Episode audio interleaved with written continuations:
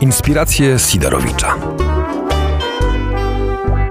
Witam serdecznie Wojciech Sidorowicz w domowych inspiracjach Sidorowicza. W czasie tej ogólnopolskiej kwarantanny e, nagrywam wtedy rozmowy z domu, rozmawiając zdalnie właśnie ze swoimi gośćmi. E, I moim gościem dzisiaj jest pan profesor Jerzy Bralczyk. Dzień dobry, panie profesorze. Dzień dobry, a właściwie dobry wieczór. Tak, dobry wieczór już.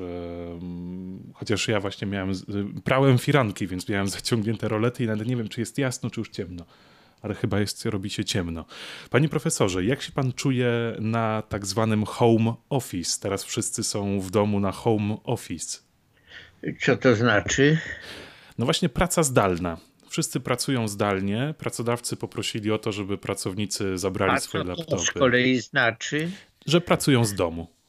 Że nie są w biurach, tylko Aha, pracują w domu. Czyli taka praca domowa. Praca domowa. Tak. Te określenia, których pan użył do tej pory, były mi obce. Zarówno home office, chociaż oczywiście wiem, co to znaczy, jak też i praca zdalna nie, nie używałbym ich do tego, co na określenie tego, co robię, ani chyba na określenie tego, co inni robią w domu. Praca w domu zakładałaby, że człowiek zajmuje się jakim, jakąś czynnością, która y, daje mu albo y, pieniądze, albo też jakąś dużą satysfakcję, bo można pracować na przykład twórczo, prawda? To wszystkie te czynności są mi nieobce. Ja w domu pracuję od bardzo dawna, a od kiedy przeszedłem na emeryturę, no to jest y, większa część mojej pracy.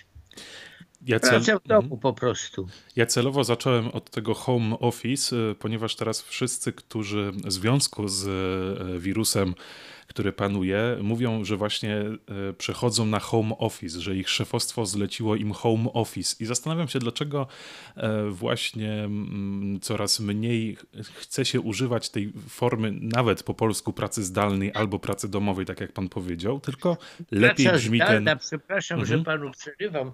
Praca zdalna zakładałaby jednak e, używanie jakichś narzędzi czy urządzeń, które potrafią na przykład poruszać przedmioty bez ich dotykania. Tak na przykład jestem przyzwyczajony do takich y, określeń, że coś jest zdalnie sterowane, prawda? A laptop może być takim urządzeniem? Zdalny to pewnie bierze się stąd, że z daleka jest stymulowane coś. W tym przypadku y, nie czuję się przez kogoś stymulowany, także nikt mną nie powoduje, kiedy siedzę w domu i na przykład piszę albo, albo czytam, albo myślę, więc ta praca nie jest zdalna ze strony innych. Sam też nie, nie działam na żadne inne obiekty tak, żeby działały wtedy, kiedy ja je inspiruję czy stymuluję, więc z mojej strony też nie jest to zdalna praca. Określenie to zatem, na ile mogę je rozpoznać znaczeniowo, nie jest trafne home office zakładałoby prawdopodobnie jakiś rodzaj biura, które bym miał w, w swoim domu, który nie wiadomo czemu miałbym nazywać homem, skoro jest on moim domem czy też mieszkaniem. Te określenia y, oddziela, oddalają mnie od tego, co mógłbym sobie wyobrazić jako pracę i nie mam, y, nie miałbym ochoty ich używać. Nie mam ochoty ich używać, nie chcę ich używać i nie używam. Pracuję w domu, owszem.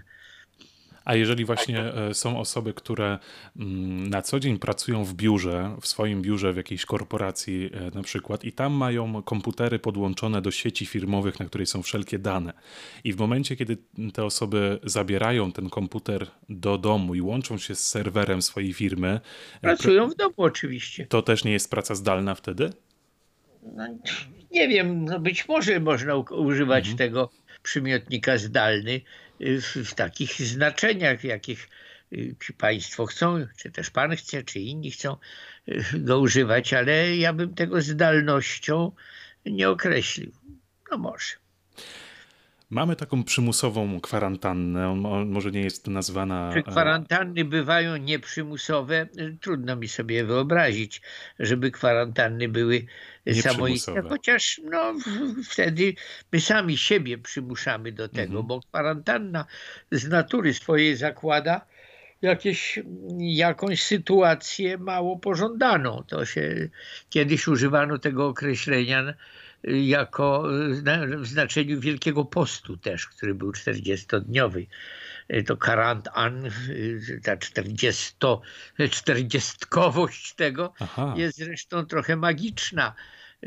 40 to była taka, taka liczba dni, którą od bardzo, bardzo dawna której przestrzegano dla nas w naszej literaturze w Ojcu Zadumionych, taka, takie trzy razy wieków przeżytych, 40 mamy i to 40 oznaczało właśnie 40 dni. A 40 jest w ogóle liczbą magiczną, począwszy od, nie wiem, Alibaby 40 rozbójników i wielu innych 40, których 40 wieków na was patrzy, mówił mówił Napoleon i tak dalej. No ale zapędziłem się w inne zupełnie rejony. E, panu chodziło o to, że jesteśmy odosobnieni. Ale bardzo ciekawe rejony, bo też tego e, znaczenia sam nie do końca byłem świadomy, że takie to jeszcze znaczenie może mieć. Że czterdziestka jest magiczną liczbą? Nie, że właśnie ta czterdziestka, nie spojrzałem na to wcześniej, że ta czterdziestka zawiera się w sobie kwarantannę. Był, był na, na pustyni, no 40, mhm, 40 dni, dni. Także. Tak, tak, i 40 wieków, i 40 godzin, i 40-godzinne nabożeństwo, e, także w religii, w mitologii, we wszystkich takich e, magicznych e, sferach. 40 działała specjalnie z innych ciekawych czterdziestek, może pan teraz znajomość rosyjskiego już nie jest tak powszechna, ale kiedy liczymy dziesiątki poszczególne, mamy 20, 30, I nagle potem mamy 50, ale w środku jest 40 właśnie, Dokładnie. a nie te 40. No, no, to akurat wzięło się stąd, że w 40 wiązano skórki bodajże sobole, ale chyba też wiewiórcze i to była, był taki środek płatniczy sorokami. No, przypomina się też Soroka Wachmistrz z potopu Sienkiewicza. No ale to już są, y, to już są bardzo odległe skojarzenia. No tak, jestem, jestem w pewnym sensie na takiej kwarantannie. Można powiedzieć, że jest ona po części z wyboru, bo nie zostałem do niej zmuszony, dlatego też chyba nie powinienem jej tak nazywać. Jestem w takim w odosobnieniu, odosobnieniu ale którego kwarantanną, który jeśli nazywam kwarantanną, to trochę umownie. I tu właśnie jeszcze wracając do tego słowa, w słowie e, kwarantanna zawiera się 40, tak? Tak, tak, no właśnie, karant, to, tak, karant. to jest kwadro, tak, to jest jeszcze quattrogentum łacińskie, potem quattrocento, no i tak dalej, to, to, to akurat 400 jest. No i, i z włoskiego byśmy wzięli, zresztą nie tylko wiele innych języków. To bardzo ciekawe, o tym nie miałem właśnie pojęcia i też um, pomyślałem sobie o języku. To jeszcze zanim przejdę do innych rzeczy związanych z tą kwarantanną językowo, um, to chciałbym zapytać pana, jak pan właśnie spędza ten, ten czas w tym odosobnieniu, bo raczej nie powinniśmy wychodzić w tym momencie z domów. Książki, muzyka, filmy? Wie pan, mam dużą bibliotekę, mam duży ogród, mam duży dom mam kochaną żonę. I to, proszę pana, każdemu bym życzył takiego odosobnienia. Czyli Mogę... to nie jest odosobnienie tak naprawdę. Mam zapasy, mamy zapasy żywności i bardzo wiele tematów do rozmowy. Mamy media, które też nam w tym pomagają. Oglądamy telewizję, słuchamy radia, płyt to nie jest dla nas samych coś szczególnie przykrego. Jeśli odczuwam przykrość, to bardziej związana ona jest z takim myśleniem o perspektywie. Ja jestem człowiekiem towarzyskim, wolałbym spędzać, czy też móc spędzać czas w gronie bliskich też, no ale jest tak jak jest. Nie jest to dla nas szczególnie, dla mnie na pewno szczególnie dotkliwe. A jakiej muzyki pan słucha w takim razie w tym wolnym, w wolniejszym czasie? Najbardziej lubię Mozarta, ale tak bardzo już się on osłuchał, że żona czasem prosi, żebym go zmienił na, na jakiegoś innego kompozytora. Ale lubię kompozytorów rozrywkowych, więc słucham na przykład Rossiniego też. No to tak. To ciekawi mnie jeszcze, co właśnie powiedział pan, że ma dużą bibliotekę. E, to co w tej bibliotece w takim razie jest u pana profesora? Prawdę powiedziawszy, w mojej bibliotece mogłoby być i niewiele książek, bo ja czytam książki po wielekroć i dlatego też kilkanaście książek pewnie by mi wystarczyło. Na przykład mógłbym sobie zupełnie dobrze wyobrazić moje, moje lektury na Wyspie Bezludnej. Czytam wciąż, teraz akurat czytam, kończę drugi tom Wojny i Pokoju, które, którą czytałem kilkanaście razy co najmniej. Ale w tej w bibliotece jest dużo starych książek. Starych też nie dawno napisanych, tylko też dawno wydanych, starych egzemplarzy. Mam bardzo dużo słowników, które także nadają się do czytania. Mało kto o tym wie, ale w słownikach można znaleźć tyle ciekawych rzeczy, kiedy szukamy znaczeń słów, a ponieważ od dawna tym się właśnie zajmuję i pisuję o słowach, o ich znaczeniach, o ich pochodzeniu, to mogę się w tym e, zagłębiać. A e, mam jeszcze jedną książkę, która jest multiplikowana w mojej bibliotece. To jest kilkaset wydań pana Tadeusza. Kilkaset wydań pana Tadeusza? Tak, tak, tak, tak. W różnych Staram... językach, czy tylko w języku polskim? W różnych językach też, ale, ale to nie było tak, że, że wydawano poza Polską ich tak strasznie, strasznie wiele. Owszem, było wiele wydań i, i niemieckich, i rosyjskich, i włoskich także, i francuskich, i mam je chyba wszystkie, ale głównie polskie. Ale to, to, właśnie ze względu na to, że chciał pan mieć e, te książki w różnych wydaniach? Czy no, skąd właśnie wzięła się to, nie wiem, czy można to pasją nazwać, zbieranie nie, pasja wydań? to za duże słowo, ale to jest takie kolekcjonerstwo. Zacząłem od wydań ilustrowanych, a potem stwierdziłem, że stare XIX-wieczne wydania są czasem bardzo ciekawe. No, większość mam, jak sądzę. Większość, no większość to z całą pewnością, ale myślę, że niewiele jest takich wydań, których bym tutaj nie miał. Treść pewnie jest ta sama.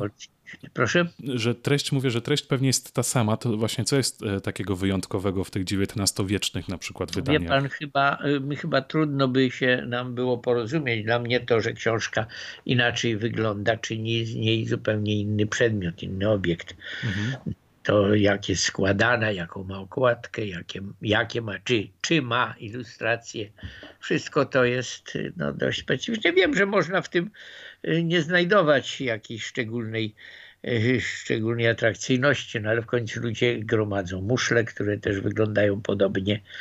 Myślę, że te wydania, te książki różnią się bardziej niż na przykład muszle. Zupełnie inna praca jest wykonana, jeżeli ktoś podchodzi. E, są właśnie te piękne wydania, porządnie obszyte, a są właśnie takie, ta sama treść, ale książki, które jak się dotknie, to w ogóle książki, się nie zapamięta. Przepraszam, że przerywam. Mhm. Nie zawsze książki porządne są piękne, a piękne są porządne. Y, naj, najwyżej cenię akurat książki, które są w jednym tylko egzemplarzu, bo były przepisywane ręcznie. Mam kilka takich. Ludzie kiedyś przepisywali książki, a pana Tadeusza chyba szczególnie często. Ogromna praca.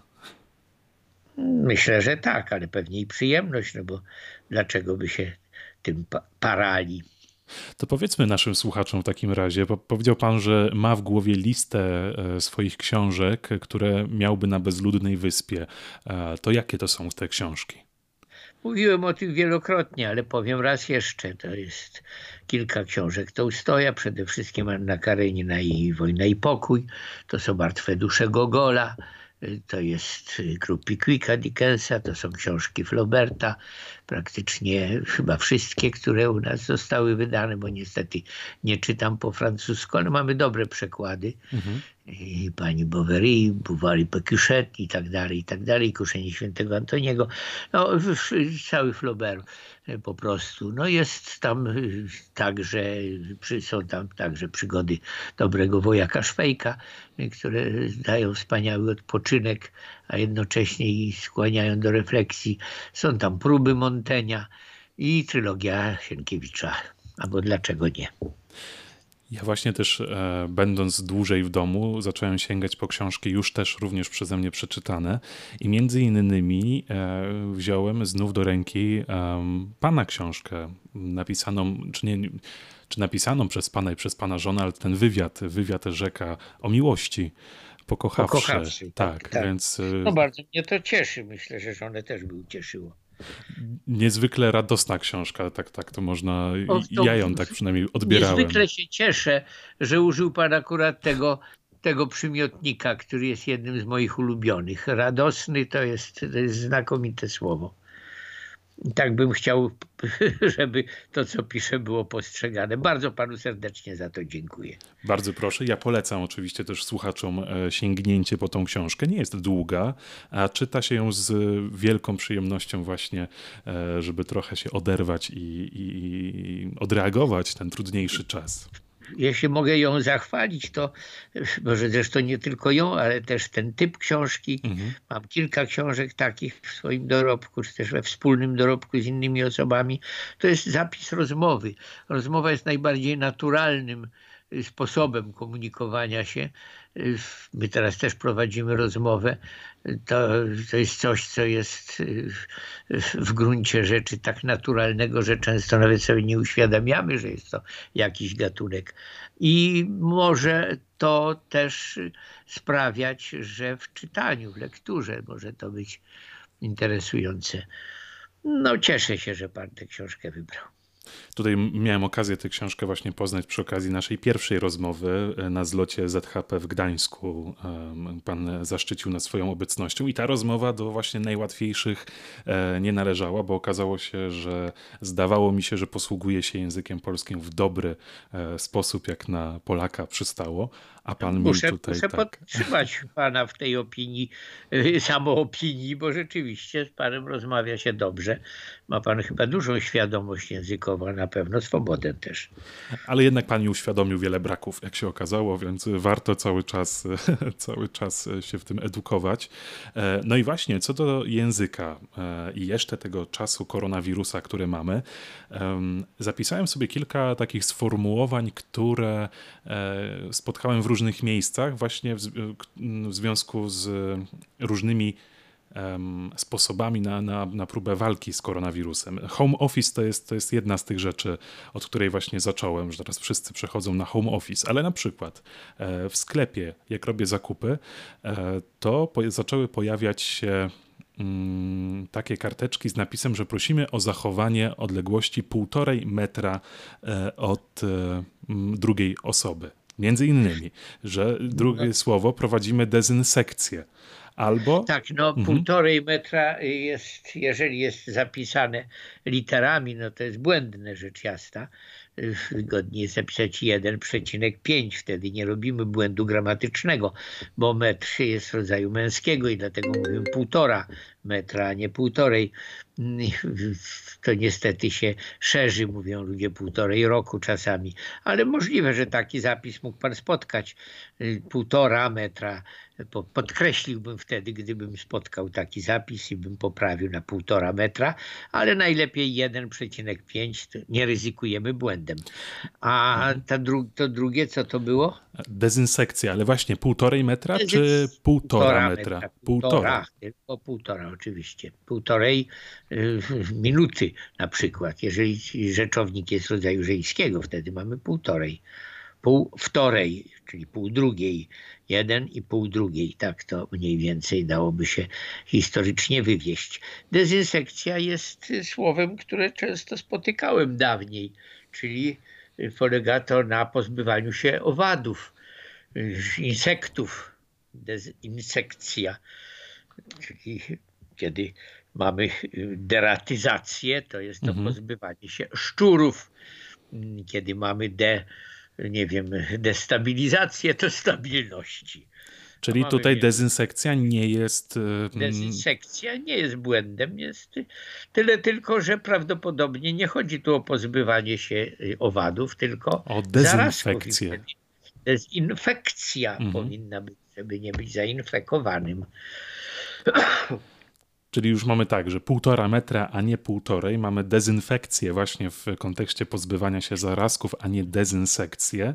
A tak. co e, zauważyłem, że też problem jest e, z tym, jak e, prezes Rady Ministrów, premier wprowadził stan zagrożenia i właśnie epidemicznego czy epidemiologicznego.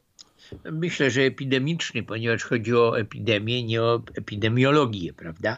Epidemiologia jest nauką. Gdyby to była, było zagrożenie epidemiologiczne, to moglibyśmy się obawiać na przykład epidemiologów, którzy mogliby z nami jakieś rzeczy wyrabiać. No a ja epidemiologów się nie boję, wręcz przeciwnie, mam nadzieję, że, że oni mi pomogą. Natomiast epidemii mogę się obawiać i dlatego epidemiczny. Epidemiczny. I ostatnia rzecz, mm, tu już e, panie w sklepie mnie też e, parę razy tak, e, tak powiedziały, w Lidlu, do którego chodzę, tam są narysowane linie na, na ziemi, których nie powinno się przekraczać. I pani za każdym razem, jak nie zauważyłem tej linii, mówiła mi, proszę stanąć za linią. No i właśnie, z której strony? Z tej strony, z której my jesteśmy. Jeżeli pani mówiła to mówiła o drugiej stronie linii ze swojego punktu widzenia. I pan stał za linią. Przed linią dla niej byłoby prawdopodobnie po tej samej stronie. Być może powinna raczej wczuć się w pana sytuację, bo pan idzie i zatrzymuje się przed linią, prawda? Mhm. Ale to tak jest, że często myślimy jednak ze swojego punktu widzenia. Czasami, kiedy to jest lewo i prawo, prawda? To y, dodajemy w moje lewo czy w moje prawo. Y, dawniej tego nie mówiliśmy, teraz y, częściej to słyszę. I pewnie taka właśnie perspektywa mogło być moje za albo, albo pańskie przed i tak to by było ujednoznacznione. Ale myślę, że wie pan o co chodzi, ta pani także wie o co chodzi. Sytuacja w tym przypadku jednoznacznie wskazuje, jakiego, jaki przyimek, jaką przyimek ma tutaj wartość. Żeby właśnie do tej pani nie podchodzić. A co pan sądzi? Mm, o, tym, o tych sformułowaniach, które teraz y, stały się dosyć popularne e, w czasach zarazy. Dodajemy teraz e, do wszystkiego kultura w czasach zarazy, muzyka w czasach zarazy, zostań w domu w czasach zarazy. To ma znamiona parafrazy, tak jak mhm. mieliśmy miłość w czasach zarazy, od tego się bodaj zaczęło, to teraz parafrazując ten cytat, dodajemy tę zarazę. Przyznać trzeba, że samo słowo zaraza może jest, y, wydaje się niektórym trochę anachroniczne, ale też dodaje grozy. Zauważmy zresztą, że w słowie groza i zaraza no, brzmią podobne. Groza, dźwięki. zaraza, tak. Tak, tak. tak. Można jeszcze by dodać, że w czasach moru Mur to jest dopiero, prawda, mocne mhm. słowo. Ale epidemia, ponieważ jest bardziej naukowa, nie wywołuje u nas takiego przerażenia, trwogi, jak mogłaby zaraza. Tyle tylko, że zaraza jest tutaj tak silnie nacechowana, że bardzo często możemy ją ironicznie traktować.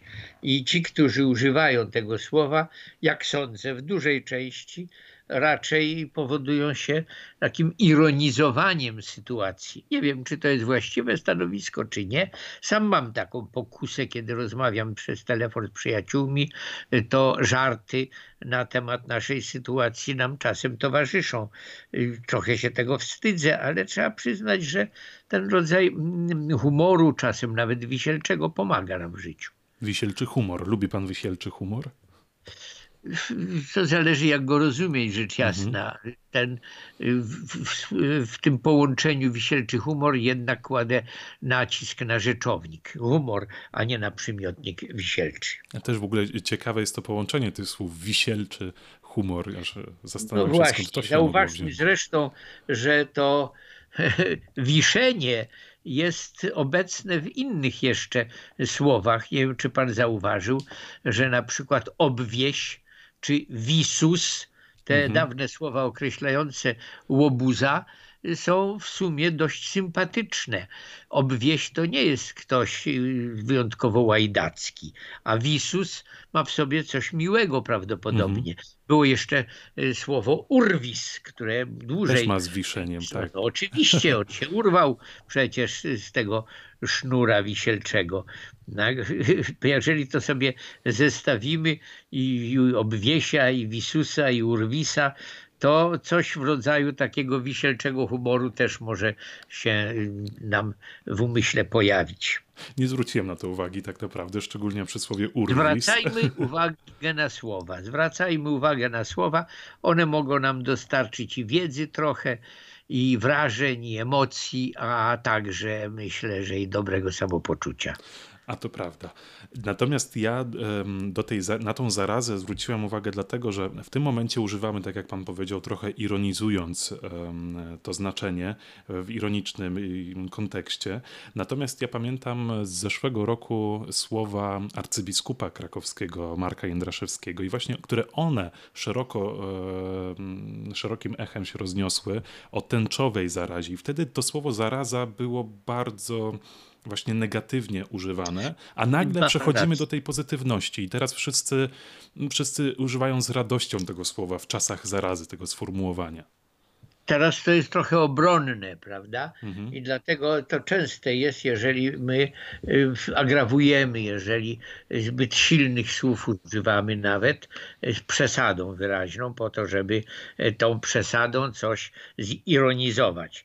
Y, przypomniał mi pan tam te słowa, które o których zapomniałem. I rzeczywiście ma pan rację, że to jest, są to, to warto byłoby nawet się zastanowić nad tym, w jakim sensie ta zaraza bywała mm, używana. To jest zresztą słowo, które, które wzięło się no, od, niestety od słowa raz, raziki, dawne prasłowiańskie i to razić które dzisiaj nas trochę razi czasami, no, żeby tutaj taki kalambur zastosować, jest też obecny w naszym liczeniu. Prawda? Kiedy Aha. liczymy raz, dwa razy, trzy razy, to rzadko sobie zdajemy sprawę, że liczymy wiele rzeczy uderzeniami tak sobie kiedyś wyobraziłem, kto mógł pierwszy y, zacząć tak liczyć, czy y, skazaniec, który dostawał razy, czyli cięgi, czyli plagi, czyli uderzenia, czy też może oprawca, który mu je wymierzał. I tak na przykład był skazany na kilkanaście razów No, w każdym tak. razie to słowo raz jest obecne i w wyrazie, i w obrazie, ale także w rażeniu, przerażeniu, wyrażaniu i w bardzo, bardzo wielu innych rzeczach, między innymi w też w tym zarażaniu i w zarazie. Etymologia czasami nas wiedzie na jakieś inne manowce, ale, ale czasami otwiera nam też miejsce do refleksji. No a rzeczywiście zaraza jest słowem, które bywa także bywało w mojej młodości, na przykład często słyszałem to słowo jako pewien rodzaj no, wyzwiska ty zarazo, mówiło się do kogoś. Nie jestem pewien, czy dzisiaj, no młodzież chyba tego słowa już nie używa, może nawet zapomniano, ale kiedyś to było dosyć częste. Tak jak się zresztą mówiło czasami do kogoś, ty cholero, tak się składa, że inne choroby tutaj y, nie funkcjonowały jako wyzwiska. Rzadko się mogło chyba usłyszeć ty grypo czy ty katarze, no albo nawet ty dżumo. Ty koronawirusie może teraz no, będzie. Może tak, ale cholera oczywiście w takiej funkcji występowała, chociaż była nazwą właśnie pierwotnie choroby. I cholero i zarazo tak właśnie zwracano się czasami do nielubianych albo okazjonalnie potępianych ludzi. I do jakiego stopnia było to serio, no to wszystko zależało rzecz jasna od sytuacji, ale z niego zaraza, tak się czasem mawiało. Zastanawiam się właśnie, czy teraz po tych słowach arcybiskupa, o nich wspominam, bo e, pan, jest, pan nagrywa ze mną rozmowę z Warszawy, ja z Krakowa e, i więc tutaj do, te, do tych słów arcybiskupa jest mi bliżej. Było duże oburzenie, przynajmniej w, w kręgach osób, o których ja się poruszam, było naprawdę duże oburzenie, a teraz używamy tego właśnie bardziej pozytywnie, tego słowa zaraza. No, ja nie powiedział, że to jest mhm. słowo pozytywne, ono jest jednak nadal bardzo negatywne, tylko przez, tak jak powiedziałem, przez pewną przesadę może Ironizuje. sobie ten, ten charakter obronny. Możemy się bronić takimi słowami. Arcybiskup używał go, jak sądzę, serio. Rzecz mhm. jasna przenośnie, bo w końcu ani to, co, o czym mówił wcześniej czerwona zaraza, miał na myśli zapewne komunizm, y, a, czy też zaraza LGBT, czy też ideologii LGBT, jak, tam się, jak chce się niektórym myśleć. No, oburzenie mogło to wywoływać, ale zauważmy, że zyskało to też bardzo wielu zwolenników zyskał sobie arcybiskup tym właśnie sformułowaniem, bo wyraźnie określił, kto to my, a kto to są oni. Byłem, prawda, byłem po tej stronie, po której i pan mnie to oburzyło, rzecz jasna, ale no, trzeba przyznać, że w tym podzielonym społeczeństwie y, wtedy można było takimi słowami też i zyskać sobie e, sporo aplauzu. Jak będzie teraz, trudno mi powiedzieć, czasem, kiedy dzieje się coś ekstra, coś wyjątkowego, także coś takiego traumatycznego, to mam też nadzieję, że może to przyczynić się do złagodzenia naszych sporów, ale kto wie, jak będzie. Właśnie myśli pan, że coś się zmieni, że inaczej zaczniemy funkcjonować? E, nie wiadomo jeszcze Na kiedy. inaczej, ale jak inaczej, tego mhm. nie wiem. Ja tutaj też z tego wyborczego punktu widzenia e, na to, na to patrzyłem, że w tym momencie o wielu problemach się nie mówi, które były wcześniej. Praworządność, e, właśnie sędziowie. Wszystko po prostu odeszło w, razem z, kiedy przyszedł koronawirus i zastanawiam się, czy my się do tej rzeczywistości przyzwyczaimy? Trudno powiedzieć, co to znaczy przyzwyczaić się do rzeczywistości. My mhm. w niej jesteśmy i dlatego nasze przyzwyczajenie mogłoby polegać tylko na tym, że będzie mniej rzeczy, które będą nas zadziwiały. Może tylko to może mniej rzeczy, które będą nas przerażały, ale może też i mniej, które będą nas no, pozytywnie e, poruszały. No, przyzwyczaić się to ma i dobre, i złe strony. Czy ja bym się chciał przyzwyczaić do rzeczywistości? Trudno powiedzieć. Z jednej strony chciałbym, żeby była ona jakoś przewidywalna, przynajmniej w tym aspekcie bezpieczeństwa, ale też chciałbym, żeby mnie czasem mogła czymś zaskoczyć. Ja jestem człowiekiem starym, mało rzeczy powinno mnie zaskakiwać, no ale mam nadzieję, że jeszcze kilka spraw mnie zaskoczy w moim życiu pozytywnie. No, człowiek potrzebuje takiego zaskoczenia, żeby się też potem ja mógł zastanowić. o którym pan mówi właśnie. Który potrzebuje. Ja jeszcze e, chciałbym, żeby może pan mnie zaskoczy albo, albo raczej potwierdzi to co, e, to, co ja myślałem. E, a propos krakowsk jeszcze krakowskowości tak mogę powiedzieć? Krakowskowości? Chyba nie, niezbyt. A propos Krakowa. Pan, więc pan mógł tak powiedzieć. Skoro pan mógł powiedzieć, to może pan to i powtórzyć zapewne. Mieszkałem w Krakowie przez kilka lat, pracowałem tam, na Ujocie pracowałem mhm. około 15 lat, dość długo, nawet jak już mieszkałem w Warszawie, to też jeździłem do Krakowa na wykłady. Także Kraków jest mi dosyć bliski. A wydaje mi się, że to jest moje no, drugie miasto po Warszawie, w, którym, w której mieszkam, ale tylko też częściowo, bo akurat rozmawiamy spod Warszawy. Teraz mieszkam w Milanówku. Tak. Na ulicy Gołębiej, na ulicy Gołębiej pan wykładał? Nie, nie, nie. Akurat to było tyle dziwne, że pracowałem na Wydziale Prawa Aha. i tam prowadziłem zajęcia z dziennikarzami przyszłymi. Na Wydziale Prawa? To, to tak. coś się pozmieniało chyba w tym momencie, bo teraz z tego co kojarzę nie ma zajęć na Wydziale Prawa. Nie, są na pewno, bo jest tam, był tam i chyba jest nadal Instytut Nauk Politycznych. A nie, przepraszam, teraz jest inny wydział, tam jest inny wydział zupełnie. Zresztą ja przez jakieś, jakąś chwilę chyba na tym nowym Wydziale y, Nauk Społecznych bodajże y, pracowałem, ale to, była, to było dosłownie już tylko końcówka mojej, mojego związku z UJ-em. A w której A tak, dzielnicy pan Wydział mieszkał? Prawa, Instytut mhm. Nauk Politycznych, pracownia dziennikarska, tak to.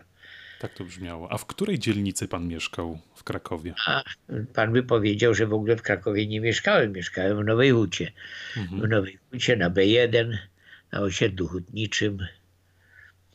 No, ja bym powiedział e, pewnie jeszcze inaczej, bo ja z Krakowa nie pochodzę. Tutaj e, faktycznie mieszkam kilka lat, ale pochodzę z Kielc. I, i tutaj zastanawia mnie to, e, ponieważ i o to właśnie pytam. Pan powiedział, że mieszkał w Nowej Hucie. Właśnie, jak powiedzieć, mieszkam w Nowej Hucie, mieszkam w Podgórzu, mieszkam w Śródmieściu czy na Podgórzu? To jest duża, pytam o to, to jest duża zagwozdka, którą chociażby w redakcji radiowej, w której pracuję, często mamy, że coś się no, wydarzyło. To samo jest na w Warszawie. I tak samo jest w Warszawie. Nikt nie powie, że mieszka na Ursusie, tylko w Ursusie, ale nikt nie powie, że mieszka w Woli czy w Ochocie, tylko na. Na to jest określenie zwyczajowe takiej dzielnicy, by tak rzec, rdzennej a więc na Podgórzu na przykład się mieszka, bo to była rdzenna, czy na Salwatorze, czy nie wiem, na Zwierzyńcu, czy no z wyjątkiem Śródmieścia, bo Śródmieście w każdym, w każdym mieście ma, przybiera przyjmek w.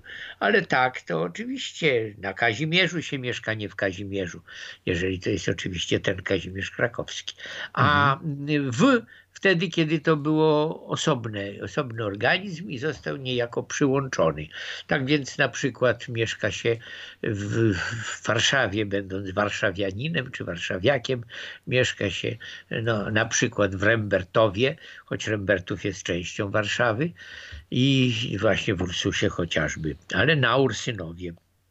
Ale Podgórze było kiedyś osobnym miastem. Było miasto no to być Podgórze. może dawniej, mhm. dawniej mówiono, że w Podgórzu, ale myślę, a może i mówi się to, trzeba by zapytać jakiegoś Podgórzanina. A pan by powiedział właśnie na Podgórzu, prawda? Powiedziałem najpierw, ale teraz mhm. się zastanowiłem i być może, być może powiedziałem to pochopnie. Czyli nie rozwiążemy tego sporu, bo właśnie ja też... Nie, bo tym bardziej, że nie jest to spór, to mhm. jest kwestia zwyczaju. To nie jest tak, że, że jedno jest błędne, a drugie nie. Czy powiemy w Litwie, czy na Litwie. Oczywiście starsi ludzie będą jeszcze długo mówili na Litwie, ale być może niektórzy będą woleli już mówić w Litwie, czy w Ukrainie. Mhm. Bo y, świadomość państwowości tych y, organizmów y, jest w tej chwili no, większa. I czy, ja, czy to jest niepoprawne? Nie, nie, nie podchodźmy do tego tak. To są zwyczaje, które się zmieniają. Panie profesorze, myślę, że będziemy zmierzali do końca, żebym też pana nie zatrzymywał. Cały czas zmierzamy do końca, od początku. Niestety to taki jest nasz przywilej. Cokolwiek zaczynamy robić, to zmierzamy.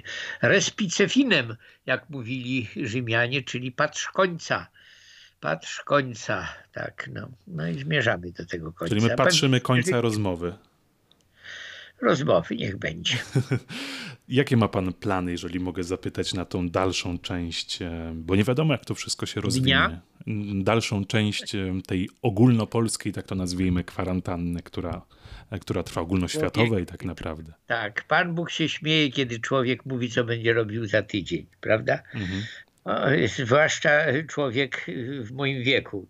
Koronawirus zrobił jeszcze coś innego, mianowicie zaczął obficiej brać ofiary z tego przedziału wiekowego, który i tak jest skazany na wcześniejsze odejście, czyli ludzie po 70 mają prawo czuć się bardziej zagrożeni, ale czy oni będą się czuli bardziej zagrożeni niż do tej pory? Przecież i do tej pory śmiertelność w tej grupie była nieco większa niż wśród 30-latków. No i dlatego też no, nie, nie planuję na zbyt długo. Mogę tylko powiedzieć, że ta powszechność różnych dotkliwości, które są wywołane koronawirusem, czyni mnie no, człowiekiem trochę bardziej uważnym. Więcej Ale... pan widzi. Proszę? Na więcej rzeczy pan zwraca uwagę, tak? Niż te osoby, które tak. Tak mi się zdaje, mhm. tak mi się zdaje, ale czy to prawda? No poza tym, poza tym ja zazwyczaj jestem bardzo aktywny, dużo jeżdżę średnio w tygodniu odwiedzałem trzy miejscowości, cztery czasem nawet. Spotykałem się z ludźmi, miałem wykłady, chociaż jestem na emeryturze.